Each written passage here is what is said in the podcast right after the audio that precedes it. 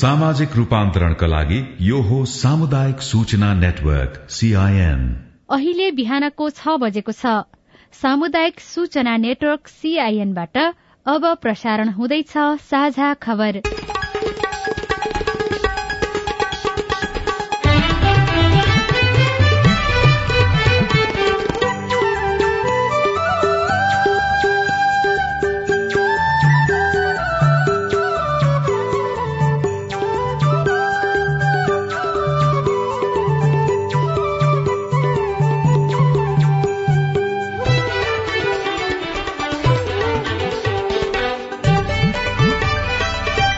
शुभ प्रभात यो सीआईएनको साझा खबर हो। स्नेहा कर्णसँगै लील प्रकाश चन्दको तपाईँलाई स्वागत छ। सामुदायिक रेडियोबाट देशैभरि एकैसाथ प्रसारण भइरहेको साझा खबर सीआईएन खबर डट कम र मोबाइल एप सीआईएनबाट पनि सुन्न सकिन्छ। आज दुई हजार उनासी साल असोज एकतीस गते सोमबार अक्टोबर सत्र तारीक सन् दुई हजार बाइस नेपाल सम्बत एघार सय बयालिस कार्तिक कृष्ण पक्षको अष्टमी तिथि आज अन्तर्राष्ट्रिय गरीबी निवारण दिवस। साझा खबरमा प्रमुख खबरका शीर्षकहरू। समानुपातिक बन्द सूचीमा रहेका चार सय उनाचालिस उम्मेद्वारले जरिवाना बुझाउन बाँकी। पहिचान खुल्ने परिचय पत्रका आधारमा मतदान गर्न पाइने। प्रदेशको सीटबारे गठबन्धन दलको सहमति कार्यान्वयन भएन। भावी प्रधानमन्त्री सहितका संवैधानिक पदबारे दलहरू मौन दुई हजार विद्यालय भवन र चौध सय सूचना प्रविधि प्रयोगशाला निर्माण हुँदै विद्युत अध्यादेश अड्किँदा निजी क्षेत्रको विद्युत व्यापार योजना अन्यल। खाद्यान्नमा आत्मनिर्भरको तथ्याङ्क तर वार्षिक चौहत्तर अर्बको आयात चितवनमा धानको बालामा दाना नलाग्दा किसान चिन्तित देशभरमा प्याराग्लाइडिङको उडान बन्द। इरानमा जारी विरोध प्रदर्शनको एक महिना दुई सय भन्दा बढ़ीको मृत्यु। युद्धका कारण युक्रेनको गरिबी दश प्रतिशतले बढ़्यो। र टी ट्वेन्टी विश्वकप क्रिकेटमा नामिबिया अनि नेदरल्याण्डसको विजयी शुरूआत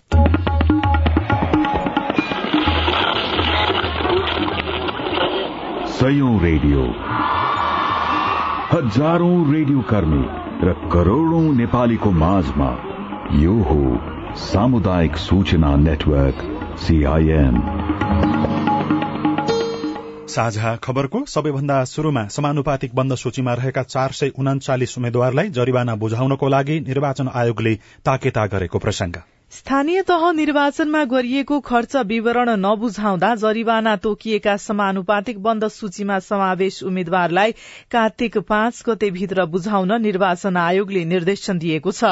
आगामी प्रदेश प्रतिनिधि सभा सदस्य समानुपातिक निर्वाचन प्रणालीतर्फ राजनीतिक दलले पेश गरेको बन्द सूचीमा समावेश उम्मेद्वार मध्ये स्थानीय तह निर्वाचनमा उम्मेद्वार भई खर्च विवरण नबुझाएका उम्मेद्वारलाई आफूलाई लागेको जरिवाना बाबतको रकम बुझाउन भनेको हो।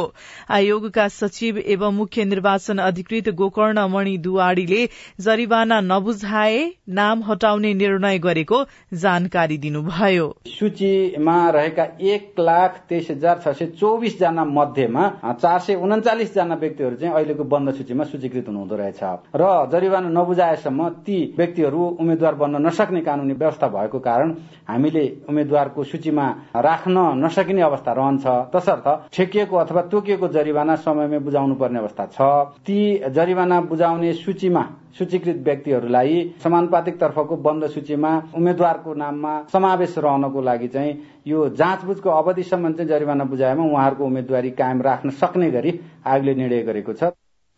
आयोगले प्रतिनिधि सभा र प्रदेशसभा चुनावको उम्मेद्वारीका लागि उम्मेद्वार बन्न रोक्ने किसिमको बहालवाला पदबाट असोज तेइस गतेदेखि नै दिएको राजीनामा स्वीकृत गर्न पनि निर्देशन दिएको छ। यसैबीच निर्वाचन आयोगले शहरी विकास मन्त्री मेटमणि चौधरीलाई चौविस घण्टे स्पष्टीकरण सोधेको छ। चौधरीले निर्वाचन क्षेत्रका बाढ़ी पीड़ितलाई चामल बाँडेको घटनामा आयोगले स्पष्टीकरण सोध्ने निर्णय गरेको सहप्रवक्ता सूर्य प्रसाद अर्यालले सीआईएनसँग बताउनुभयो। चामल वितरण गर्ने कार्यले आचार संहिताको उल्लंघन हुँदैन भन्ने पुष्टि गर्ने आधार के छ भन्ने विषय। अनि खमा चाहिँ यस्तो कार्य गर्दाखेरिमा निर्वाचन क्षेत्रका बाढी पीड़ितको नाममा चामल वितरण गर्ने कार्य गर्दा निर्वाचन आयोगको कुनै पूर्व सहमति प्राप्त गर्नुभएको छ कि छैन भन्ने विषय जिल्ला प्रशासन कार्यालयबाट वितरण गर्ने व्यवस्था हुँदाहुँदै किन गर्नु परेको व्यक्तिगत रूपले तपाईँले भन्ने चाहिँ कुरा छ। त्यसै तेस्रो चाहिँ प्रश्न भनेको तपाईँबाट निर्वाचन आचार संहिताको उल्लङ्घन भएको भए निर्वाचन आयोग ऐन दुई हजार त्रिहत्तरको दफा तेइसको उपदफा घ बमोजिम किन जरिवाना गर्नु नपर्ने हो भन्ने प्रश्न राखेर उहाँलाई स्पष्टीकरण सोधिएको छ। यसैबीच नेपाली कांग्रेसका विजय कुमार गच्छदार राप्रपाका विक्रम पाण्डे लगायत नौजना उम्मेद्वारको उम्मेद्वारी खारेजीको माग गर्दै सर्वोच्च अदालतमा परेको रिट खारेज भएको छ। न्यायाधीश अनिल कुमार सिन्हाको एकल इजलासले हिजो उक्त रिट खारेज गरिदिएको हो। अधिवक्ता अनिल आचार्यले विभिन्न फौजदारी मुद्दाका आरोप लागेका नेताहरू प्रतिनिधि सभा चुनावमा उम्मेद्वार बनेको भन्दै सर्वोच्चमा रिट दिनुभएको थियो।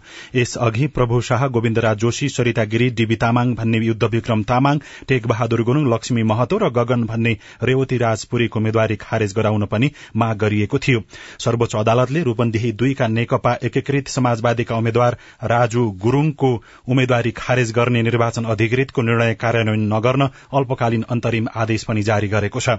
हिजो न्यायाधीश विश्वम्भर प्रसाद श्रेष्ठको इजलासले गुरूङको उम्मेद्वारी खारेज गर्ने निर्णय कार्यान्वयन नगर्न अल्पकालीन आदेश दिँदै अन्तरिम आदेशका लागि दुवै पक्षलाई कार्तिक दुईमा छलफलका लागि बोलाएको छ।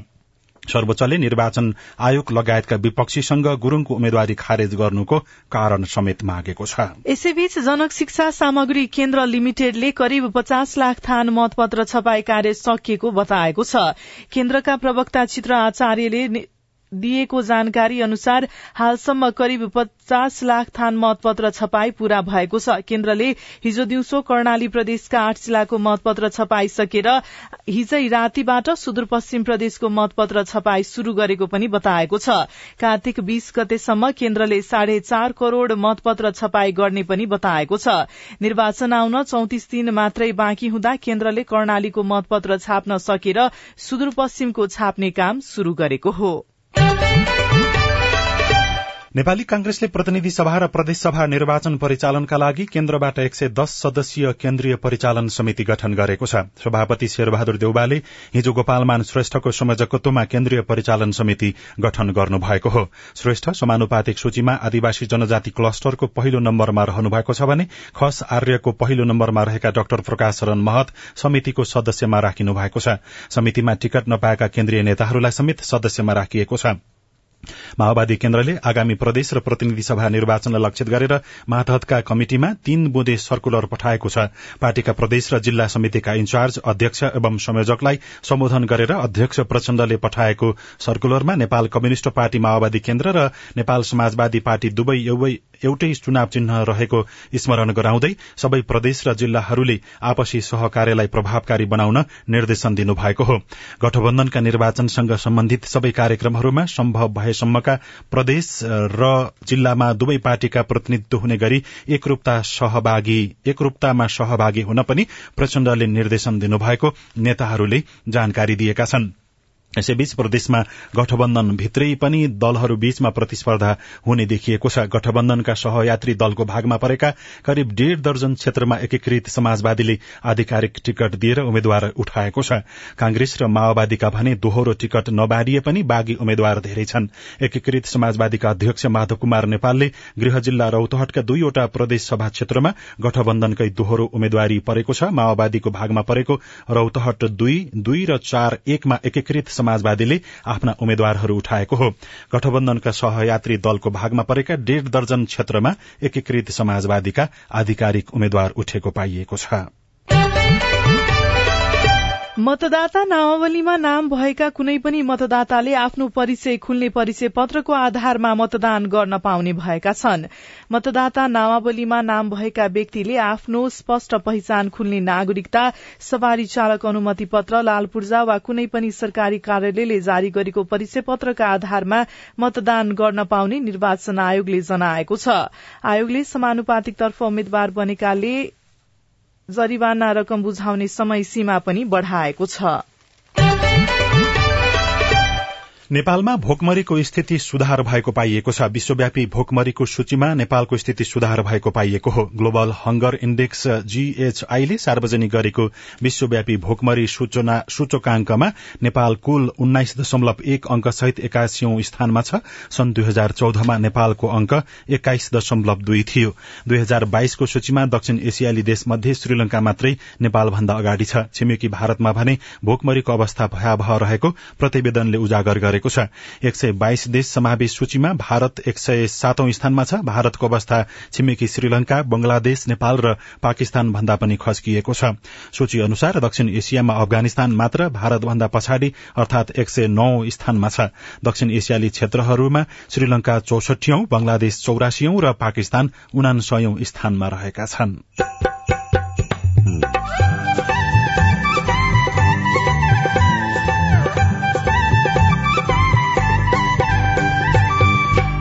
सामुदायिक सूचना नेटवर्क सीआईएन मार्फत देशभरि प्रसारण भइरहेको साझा खबरमा प्रधानमन्त्री सहितका संवैधानिक पदबारे दलहरू मौन। कुनै पनि कुरा अहिले भएको छैन। चुनावपछि सबै विषयमा छलफल अहिलेको चुनावमा मात्रै हामी केन्द्रित छौँ अरू विषयमा छलफल भएको छैन। खाद्यान्नमा आत्मनिर्भरको तथ्याङ्क तर वार्षिक चौहत्तर अर्बको आयात चितवनमा धानको बालामा दाना नलाग्दा किसानहरू चिन्तित देशभरमा प्याराग्लाइडिङको उडान बन्द। लगायतका खबर बाँकी नै छन्। सीआईएनको साझा खबर सुन्दै गर्नुहोला।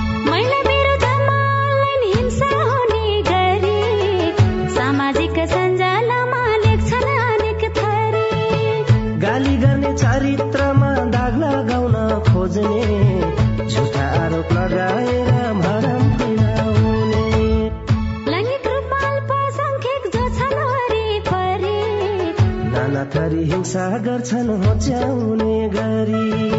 नजिस्काउनु शरीर र यौनिकतालाई हेरी।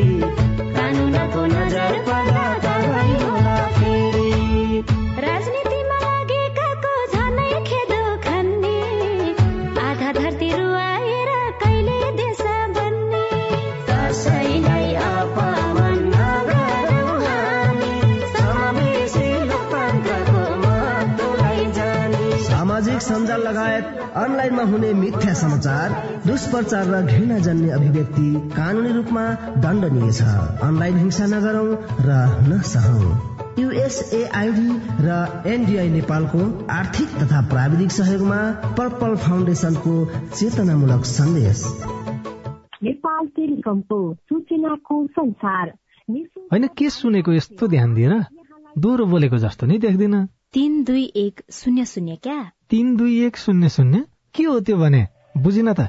ल सुन एनटिसी प्रयोगकर्ताहरूले आफ्नो मोबाइल तथा ल्यान्डलाइनमा तीन दुई एक शून्य शून्य डायल गरी समाचार रेडियो कार्यक्रम खेल र अन्य विषयबारे सन्देशहरू जुनसुकै बेला निशुल्क सुन्न सक्छन्। ओहो निशुल्क? कस्तो सजिलो। समाचार सुन्न छुट्यो भनेर पिर लागेको थियो। अब त म पनि सुनिहाल्छु। कति रे? तीन दुई एक। शून्य शून्य। सामाजिक रूपान्तरणका लागि यो हो सामुदायिक सूचना नेटवर्क सीआईएन तपाई अहिले देशभरिका सामुदायिक radio CIN Khabar dot com र मोबाइल एप सीआईएनबाट एकैसाथ साझा खबर सुन्दै हुनुहुन्छ। मोबाइल एप नेपाली पात्रोबाट पनि सीआईएनको साझा खबर सुनिरहनु भएको छ। अब आज काठमाडौँबाट प्रकाशित पत्र पत्रिकाको खबर। नयाँ पत्रिका दैनिकको पहिलो पृष्ठमा दुई हजार विद्यालय भवन र साढे चौध सय सूचना प्रविधि प्रयोगशाला निर्माण हुँदै शीर्षकमा खबर लेखिएको छ। विगतमा राष्ट्रपति शैक्षिक कार्यक्रम प्रभावकारी नभएपछि शिक्षा विकास तथा समन्वय केन्द्रले यसपालि समयमै आठ अर्ब सताइस करोड़ रूपियाँ निकासा गरेको छ।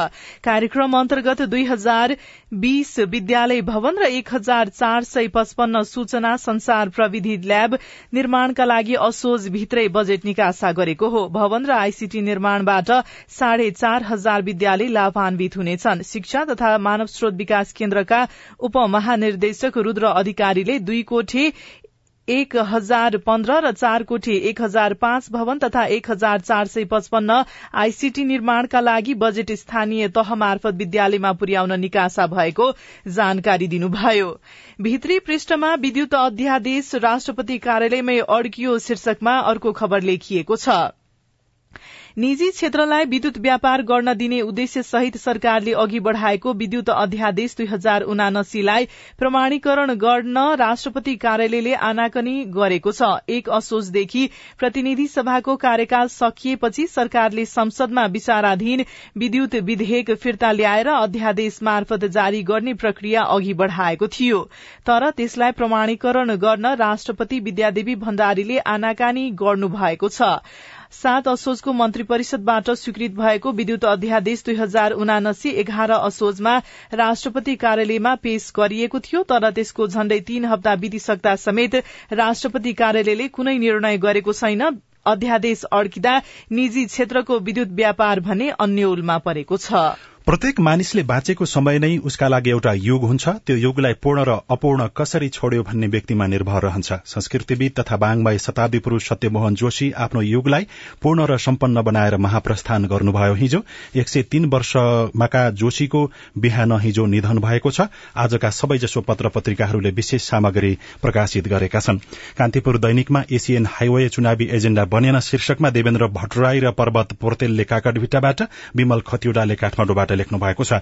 महत्वाकांक्षी एसियन हाइवे अन्तर्गत सिलिगुडी हुँदै पानी ट्याङ्की काकरभिट्टासम्म भव्य सड़क जोडिएको दुई वर्ष भइसकेको छ। तर नेपालतर्फ पूर्वाधार विकास नभएको भन्दै भारतले मेचीमाथि नवनिर्मित पुल सञ्चालन गर्न दिएको छैन। भित्रीपन्नामा अर्को खबर संस्थागत निक्षेपकर्तालाई नीति विपरीत बढ़ी ब्याज दिँदै बैंक शीर्षकमा यज्ञ बन्जाडेले लेख्नु भएको छ। संस्थागत निक्षेपकर्तालाई कम ब्याज दिनुपर्ने राष्ट्र बैंकको निर्देशन बैंकहरूले पालना नगरेको पाइएको छ। मुद्दती निक्षेपमा सर्वसाधारणलाई दिइएको अधिकृत ब्याजदर भन्दा अधिकृत ब्याजदर भन्दा संस्थागत निक्षेपलाई कम्तीमा दुई प्रतिशत बिन्दुले कम ब्याज दिनुपर्ने राष्ट्र बैंकको निर्देशन रहेको छ। अर्को खबर मापदण्ड अनुसार खानेपानी आपूर्ति नगरे एक वर्षसम्म कैद शीर्षकमा सीमा तामाङले लेख्नु भएको छ। सरकारले आपूर्तिकर्तालाई तोकेको गुणस्तर बमोजिमको खानेपानी आपूर्ति नगरे तीन महिनादेखि एक वर्षसम्म कैद हुने भएको छ। थप पाँच लाखसम्म जरिवाना वा कैद दुवै सजाय हुन सक्ने खानेपानी तथा सरसफाई ऐन दुई हजार उनासीमा उल्लेख छ। ऐनमा आपूर्तिकर्तालाई समेत सजायको व्यवस्था गरिएको हो। गोर्खा पत्रको भित्री पृष्ठमा खाद्यान्नमा आत्मनिर्भर तर वार्षिक चौहत्तर अर्बको खाद्यान्न आयात शीर्षकमा खबर लेखिएको छ। खाद्यान्नमा नेपाल बचतकै अवस्थामा रहे पनि वर्षेनी निकै परिमाणमा खाद्यान्न आयात हुने गरेको छ। मुलुकमा आर्थिक वर्ष दुई हजार अठहत्तर उनासीमा एक करोड़ सात लाख बहत्तर हजार मेट्रिक टन धान मकै गहुँ कोदो फाफर जौ उत्पादन गरेको तथ्याङ्क छ। यस उत्पादनबाट बिउ जर्ती पशु आहार भण्डारण तथा प्रशोधन नोक्सानी कोटाएर पचहत्तर लाख तीस हजार मेट्रिक टन उपभोग योग्य खाद्यान्न उपलब्ध हुने कृषि तथा पशुपन्छी विकास मन्त्रालयले जनाएको छ। भन्सार विभागको तथ्याङ्क अनुसार भने गत आर्थिक वर्ष चौहत्तर अर्ब अठाइस करोड़ सैतिस लाख सात हजार रूपियाँ बराबरको खाद्यान्न आयात भएको थियो। यसमा तीस अर्ब अन्ठाउन्न करोड़ उनातिस लाख अठाउन्न हजार रूपियाँको चामल मात्रै आयात गरिएको थियो। वसन्त ढुङ्गानाले नागरिक दैनिकमा लेख्नु भएको खबर अनुसार धान भित्र्याउने हतार भइरहेका बेला धानको बालामा दाना नलागेको थाहा पाएपछि चितवनका किसानहरू चिन्तामा छन्। राम्रो उत्पादन हुने आशमा सावा मनसुली जातको धान लगाएका पश्चिम चितवनका किसान समस्यामा परेका हुन्। यसअघि पनि चितवन कैलाली लगायतका विभिन्न जिल्लामा लगाइएको धानको बालामा दाना लागेको थिएन। अर्को खबर कर्णाली र कोशी करिडोरको ट्र्याक खन्ने काम अझै सकिएन शीर्षकमा हिमाल लम्सालले लेख्नु भएको छ। राष्ट्रिय गौरवको आयोजनामा सूचीकृत उत्तर दक्षिण लोकमार्ग अन्तर्गतका कर्णाली करिडोर र कोशी करिडोरको ट्र्याक खन्ने कामले गति लिन सकेको छैन। एक दशक अघिदेखि कर्णाली र कोशी करिडोरमा ट्र्याक निर्माण गर्ने काम शुरू गरिए पनि अहिलेसम्म ट्र्याक खन्ने कामको गति निकै सुस्त देखिन्छ। सरकारले उत्तर दक्षिण कर्णाली करिडोर लोकमार्ग अन्तर्गत खुलालु सिमिकोट हुम्ला खण्डमा करिब एक सय छयानब्बे किलोमिटर र हिल्सा सिमिकोट खण्डमा हुम्ला अठासी किलोमिटर ट्र्याक सड़क निर्माण गर्ने लक्ष्य राखेको थियो। साझा खबरमा अब प्रश्नोत्तर श्रृंखला प्रस्तुत गर्दै हुनुहुन्छ उषा तामाङ। कपिलवस्तु जिल्लाको बुद्धभूमि नगरपालिका वडा नम्बर एकबाट आकाश परियार हाम्रो फेसबुक मार्फत सोध्नुहुन्छ शिक्षक सेवा आयोगको दोस्रो तहको लिखित परीक्षाको रिजल्ट कहिले आउँछ होला?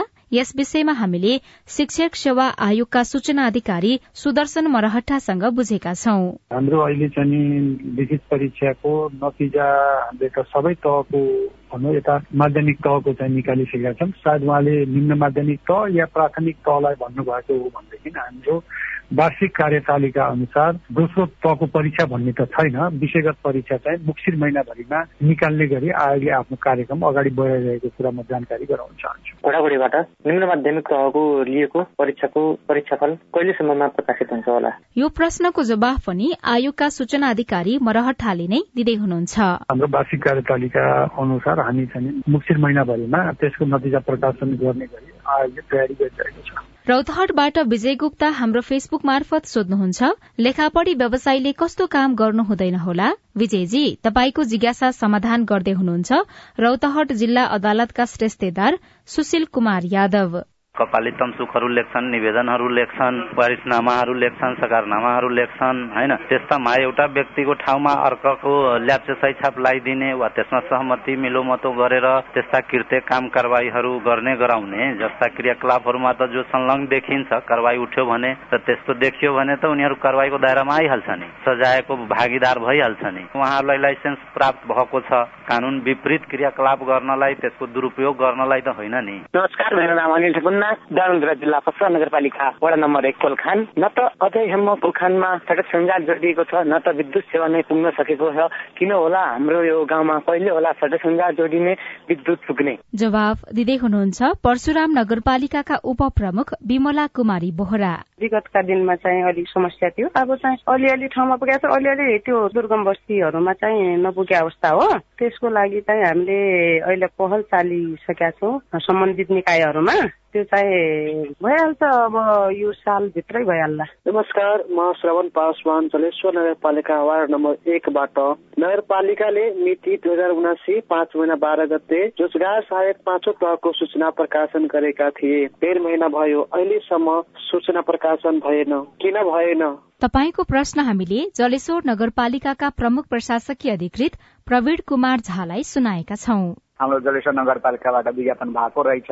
निर्वाचन कार्यालय निर्वाचन आयोग र मुख्य निर्वाचन अधिकृतको कार्यालयबाट चुनाव भएसम्म कुनै पनि किसिमको कर्मचारीहरूको सरुवा बरुवा अथवा नियुक्ति प्रक्रिया अगाडि नबढाइदिनु जुन अवस्थामा त यथास्थितिमा राखिदिनु भनेर हामीले परपक्ष भएको हुँदा कर्मचारी सम्बन्धी कामलाई हामीले यथास्थितिमा राखिदिएको छौँ चुनाव पछि प्रक्रिया हामी चाहिँ सुरु गर्नेछौँ भनेर हामीले जानकारी गराउन चाहन्छौँ। यो सूचनालाई हामीले जारी गरिसकेका छौँ तर अपलोड भएको छैन हाम्रो वेबसाइटमा। त्यो वेबसाइटमा अपलोड भइहाल्छ है। तपाईँ जुनसुकै बेला हाम्रो आइभीआर नम्बर शून्य एक बान्न साठी छ चार छमा फोन गरेर आफ्नो विचार गुनासो प्रश्न तथा प्रतिक्रिया रेकर्ड गर्न सक्नुहुनेछ। साझा खबरमा अब विदेशको खबर। इरानमा जारी विरोध प्रदर्शन एक महिनादेखि चलिरहेको छ। जारी प्रदर्शनका क्रममा दुई सय भन्दा बढ़ी मानिसको मृत्यु भएको इरानका संचार माध्यमहरूले जनाएका छन्। महसा अमिनी नामक एक युवतीले हिजाब सम्बन्धी कानून उल्लंघन गरेपछि प्रहरीले उहाँलाई नियन्त्रणमा लिएको थियो। प्रहरीको नियन्त्रणमै रहेको बेलामा अमिनीको सोह्र सेप्टेम्बरमा मृत्यु भएपछि त्यहाँ विरोध चर्किरहेको छ। इरानमा जारी प्रदर्शनबारे बाह्य संचार माध्यमहरूलाई भने रोक लगाइएको छ। युक्रेनमा जारी युद्धका कारण दश प्रतिशतले गरीबी बढ़ेको विश्व बैंकको तथ्याङ्कले देखाएको छ। पूर्वी युरोपका लागि विश्व बैंकका क्षेत्रीय निर्देशक अरूप बनर्जीले युक्रेनका नागरिकले उपभोग गर्ने सुविधाहरूमा रूसले ठूलो आक्रमण गर्न थालेपछि त्यहाँको गरीबी दश प्रतिशतले बढ़ेको बताउनुभयो। र बहराइनले तेल उत्पादनमा बीस लाख ब्यारल प्रतिदिनको हिसाबले कटौती गर्ने निर्णय सहमतिमै भएको बताएको छ। समाचार एजेन्सी रोयटर्सका अनुसार बहराइनका तेल तथा ग्यास मन्त्री Mohammed bin Khalifa bin Ahmed Al खलिफाले तेल उत्पादक देशहरूको संगठन ओपेक र उसका सहयोगी देशहरूको संगठन ओपेक प्लसले विश्व बजारको परिस्थितिलाई अध्ययन गरेर यो निर्णय गरिएको बताउनु भएको हो। अब खेल खबर पोखरामा जारी नवौं राष्ट्रिय खेलकुदमा एक सय सन्ताउन्न पदकको छिनोफानो हुँदा पहिलो स्थानमा नेपाली सेना समान छ स्वर्ण पाएको सशस्त्र प्रहरी र नेपाल प्रहरी तेस्रो स्थानमा रहेको छ। विभागीय टोली बाहेकका खेलाड़ीलाई नियमित अभ्याससँगै नियमित आमदानीको बाटोको व्यवस्था गरिएको छैन। राष्ट्रिय प्रतियोगितामा पनि उनीहरू अधुरो तयारीकै बीच खेल्नु परिरहेको छ। विभाग बाहिर पनि राम्रा खेलाड़ी आउने गरे पनि उनीहरूलाई टिकिरहन समस्या देखिएको छ। खेलाड़ीसँग सधैँ राम्रो नतिजाको अपेक्षा गरिने भए पनि खेल्ने वातावरण नियमित प्रशिक्षण र खानकीदेखि जीविकासम्म जोडिने हुँदा उनीहरू खेल क्षेत्रबाट पलायन हुने गरेका छन्। नेपाल एथलेटिक्स संघका महासचिव धववीर चौधरी विभाग बाहिर पनि उत्कृष्ट खेलाड़ी रहेको तर राज्यले उनीहरूको प्रोत्साहनमा चासो नदिएको बताउनुभयो। विश्वकप टी ट्वेन्टी क्रिकेटमा नेदरल्याण्ड्स र नामिबियाले विजयी शुरूआत गरेका छन्। अस्ट्रेलियामा हिजोबाट शुरू भएको प्रतियोगितामा पूर्व विजेता श्रीलंकालाई पचपन्न रनले हराउँदै नामिबियाले सुखद शुरूआत गरेको हो भने अर्को खेलमा नेदरल्याण्ड्सले यूएईलाई तीन विकेटले हराउँदै जित हात पारेको छ। प्रतियोगिता अन्तर्गत आज स्कटल्याण्ड र वेस्ट इण्डिज तथा आयरल्याण्ड र जिम्बावे बीच खेल हुनेछ र इङ्ग्लिश प्रिमियर लीग फुटबलमा चेल्सीले जित हात पारेको छ। गै राती भएको खेलमा चेल्सीले एस्टन भिल्लालाई दुई शून्य गोलले पराजित गरेको हो। हिजै भएको अर्को खेलमा आर्सनलले लिड्स युनाइटेडलाई एक शून्य गोल अन्तरले पराजित गर्दा लिभरपुलले म्यान्चेस्टर सिटीलाई एक शून्य गोल अन्तरले पराजित गरेको छ। चुनाव पछिको शक्तिशाली पदमाथिको बाँडफाँडमा दलहरू अन्यल रहनुको कारण रेडियो रिपोर्ट अरू खबर र कार्टुन पनि बाँकी नै छ। सीआईएनको साझा खबर सुन्दै गर्नुहोला। रोमा दिदी फेरि चुनाव लागे जस्तो छ नि। कताको यात्रा हो? तल चौतारीमा आज सबै पार्टीका अध्यक्षहरू आउने रे। महिलालाई टिकट देऊ भनेर दबाब दिन हिँडेको। भनेपछि महिला उम्मेद्वारको पक्षमा महिलाको र्याली अनि दिदी महिलालाई उम्मेद्वार बनाउन तयार हुन्छन् त पार्टी र पुरुष नेताहरू। संविधानले तेत्तीस प्रतिशत महिला सहभागिता गराउनु पर्ने भनेको छ। त्यसैले अब महिला उम्मेद्वारलाई मतदान गरी जिताउनु पर्छ क्या? अनि महिला नै किन? पहिलो त जनसंख्याको आधारमा हाम्रो प्रतिनिधित्व हुने कुरा लोकतन्त्रको आधार हो र हाम्रो अधिकार पनि। अर्को महिलाले जितेमा महिला र अन्य पछाडि पारिएका समुदायको मुद्दा सम्बोधन नीतिगत व्यवस्था र कार्यान्वयन प्रभावकारी हुन्छ। सुन्या होला नि जसको सवाल उसकै नेतृत्व।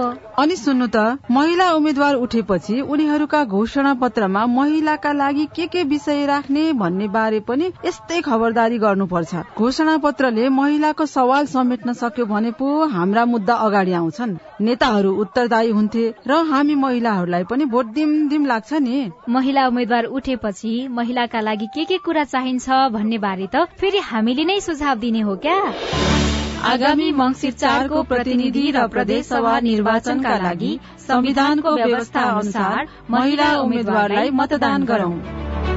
महिला पुनस्थापना केन्द्र ओरेक नेम्स केयर नेपाल र सामुदायिक सूचना नेटवर्क सीआईएन सामाजिक रूपान्तरणका लागि यो हो सामुदायिक सूचना नेटवर्क सीआईएन साझा खबरमा अब चुनाव पछिको शक्ति बाँडफाँडको कुरा। प्रतिनिधि सभा र प्रदेश सभाको निर्वाचनको लागि सरकारमा रहेका र नरहेका दलबीच गठबन्धन भएर टिकटको बाँडफाँड भइसकेको छ। तर चुनाव पछिको शक्तिशाली पदको भागभण्डाको खाका तयार नगरेरै दलहरू चुनावी प्रचारमा जुटेका छन्। मंगिर चारमा निर्वाचन भए पनि प्रत्यक्ष र समानुपातिकको अन्तिम नतिजा आउन कम्तीमा एक महिना लाग्नेछ। यसो हुँदा पुसको पहिलो साता संसदले सांसद पाउने आकलनका साथ संघीय संसद सचिवालयले तयारी गरिरहँदा राष्ट्रपति उपराष्ट्रपति प्रधानमन्त्री सभामुख उपसभामुख लगायत पदमा को पुग्ने भन्नेमा दलहरूका आफ्नै दावी छन्। सत्ता गठबन्धनको तयारीबारे बताउँदै एकीकृत समाजवादी पार्टीका महासचिव डाक्टर बेदुराम भूषाल। यस विषयमा कुनै पनि कुरा अहिले भएको छैन। चुनावपछि सबै विषयमा छलफल अहिले त चुनावमा मात्रै हामी केन्द्रित छौँ अरू विषयमा छलफल भएको छैन। अहिलेका प्रधानमन्त्री शेरबहादुर देउवाले मुख नखोले पनि माओवादी केन्द्रका अध्यक्ष प्रचण्ड कांग्रेस नेता रामचन्द्र पौडेलले एकपटक प्रधानमन्त्री हुने चाहना राख्दै आउनु भएको छ। एकीकृत समाजवादीका नेता झलनाथ खनालको राष्ट्रपति हुने चाहनाका बारेमा बहस नभएको होइन तर यसबारेमा प्रष्ट छलफल नभएको बताउँदै सत्ता साझेदार लोकसभाका नेता अनिल कुमार झा। जुन गठबन्धनमा अहिले रहेर निर्वाचनमा गएका छौँ त्यही गठबन्धनमा नैतिक रूपले रहनुपर्छ भन्ने हाम्रो मान्यता हो। यो गठबन्धन भोलिको दिनमा सत्तामा जाँदा पदहरूको बाँडफाँड गर्ने क्रममा त्यस्तो कुनै पनि कुरा लोकतान्त्रिक समाजवादी पार्टीसँग कसैको भएको छैन। शक्ति बाँडफाँडको बारेमा सत्ता गठबन्धनमा अहिले अलमल हुनुको कारण चुनावमा पर्न सक्ने प्रभाव त्यसपछिको नतिजा र दलीय ध्रुवीकरण ठानिए पनि नेकपा एमाले अध्यक्ष केपी शर्मा ओलीलाई भावी प्रधानमन्त्री घोषणा गरिसकेको छ। अरू पदको बारेमा एमाले नेतृत्वले हर हिसाब गरिरहेको भए पनि चुनावी तालमेल गर्दा जसपासँग कुनै कुराकानी भएको छैन। नेता प्रदीप यादव। तालमेल सबै ठाउँमा भएको छैन। आफ्नो नै लडिरहेको छौँ। भोलिको दिनमा बहुमत आइसकेपछि राष्ट्रपतिको कुरा सत्ता समीकरणको कुरा भागभण्डाको कुरा त्यो पछिको कुरा हो। त्यसले एउटै एजेन्डा छ कि चुनावमा हामी कसरी बढीभन्दा बढी सिट ल्याउने त्यसमा हामी सबै लागेको छौँ। यद्यपि जसपासँगको सम्झौतामा चुनावपछि पनि सहकार्य निरन्तर रहने लिखित प्रतिबद्धता दुवै दलको छ। भावी प्रधानमन्त्री बाहेकका पदमा एमाले प्रष्ट भइसकेको छैन तर सत्ता गठबन्धनका शीर्ष नेताहरूबीच यसबारेमा कुरा भइसकेको विश्लेषण एकजना विश्लेषक पुरञ्जन आचार्यको छ। नेपालका नेताहरू बिना सत्ता र शक्तिको वितरण नगरिकन एलायन्स पनि गर्दैन त्यो हाम्रो आफ्नो अनुभव पनि छ। भोलि कुन शक्तिमा यिनीहरू निर्वाचित भएर जनताबाट आउँछन् त्यसको टुङ्गो त निर्वाचन पछि थाहा हुन्छ। निर्वाचन अगाडि गर्दाखेरि निर्वाचनलाई धक्का पुग्छ। कोही राष्ट्रपति कोही प्रधानमन्त्री बाँडे भन्ने कुराको चर्चाले यिनीहरूको इमेज तल जान्छ भन्ने पनि छ। अहिले उनीहरूले लुकाएका छन्। यस्ता कैयन हिडन एजेन्डाहरू चाहिँ पछि थाहा हुन्छ। सरकारमा पुग्न विचार र सिद्धान्त भन्दा पनि अवसर हेर्ने परिपाटीका कारण चुनाव आउन चौतिस दिन बाँकी रहँदा शक्तिशाली पदमा दावी र विरोधबारे नेताहरू बोल्न चाहेका छैनन्। निर्वाचनपछि सरकार गठनका लागि पनि दलहरू यी पदमा लेनदेन गर्दै मोलमोलाई गर्न सक्ने भएका कारण संवैधानिक पदमा पुग्ने अनुहार खुल्न नसकेको जानकारहरू बताउँछन्।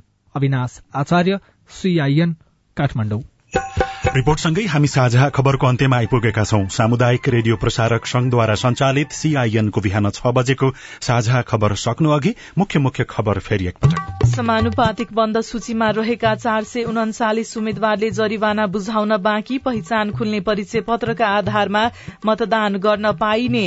प्रदेशको सीटबारे गठबन्धन दलको सहमति कार्यान्वयन भएन। भावी प्रधानमन्त्री सहितका संवैधानिक पदबारे दलहरू मौन। दुई हजार विद्यालय भवन र चौध सय सूचना प्रविधि प्रयोगशाला निर्माण हुँदै विद्युत अध्यादेश अट्किँदा निजी क्षेत्रको विद्युत व्यापार योजना अन्यलमा। खाद्यान्नमा आत्मनिर्भरको तथ्याङ्क तर वार्षिक चौहत्तर अर्बको आयात चितवनमा धानको बालामा दाना नलाग्दा किसान चिन्तित। इरानमा जारी विरोध प्रदर्शनको एक महिना दुई सय भन्दा बढ़ीको मृत्यु युद्धका कारण युक्रेनको गरिबी दश प्रतिशतले बढ़्यो। र टी ट्वेन्टी विश्वकप क्रिकेटमा नामिबिया र नेदरल्याण्डसको विजयी शुरूआत साझा खबरको अन्त्यमा कार्टुन। कार्टुन हामीले नयाँ पत्रिका दैनिकको अनलाइन संस्करणमा रवि मिश्रले बनाउनु भएको कर्नर किक शीर्षकको कार्टुन लिएका छौं। व्यङ्ग्य गर्न खोजिएको छ। उम्मेद्वारहरू जो पनि उठ्ने र उनीहरूको बुझाइमा कमजोर हुने भनेको भनेर टीका टिप्पणी भइराखेका छन्। यहाँ मतदाता र उम्मेद्वारको बीचमा कुराकानी हुँदैछ। एकजना मतदाताले सोध्दैछन् कसरी विश्वास गरौं कि तपाईँले जितेर अन्धविश्वास हटाउनुहुन्छ भनेर? उम्मेद्वार चाहिँ निहुरिएका छन् र काँधमा नेपालको झण्डा राखेका छन् हात जोडेका छन्। उनले चाहिँ यस्तो भनेका छन् अक्सफोर्डको ज्योतिषले नै हटाउने योग छ भनिसक्यो क्या हजुर? हवस् त प्राविधिक साथी सुभाष पन्तलाई धन्यवाद। अहिलेलाई लील प्रकाश चन्द्र स्नेहा कर्ण विदा भयौं। तपाईँको आजको दिन शुभ होस् नमस्कार। यसपछि देशभरिका सामुदायिक रेडियोबाट कार्यक्रम जीवन रक्षा प्रसारण हुनेछ। सुन्ने प्रयास गर्नुहोला।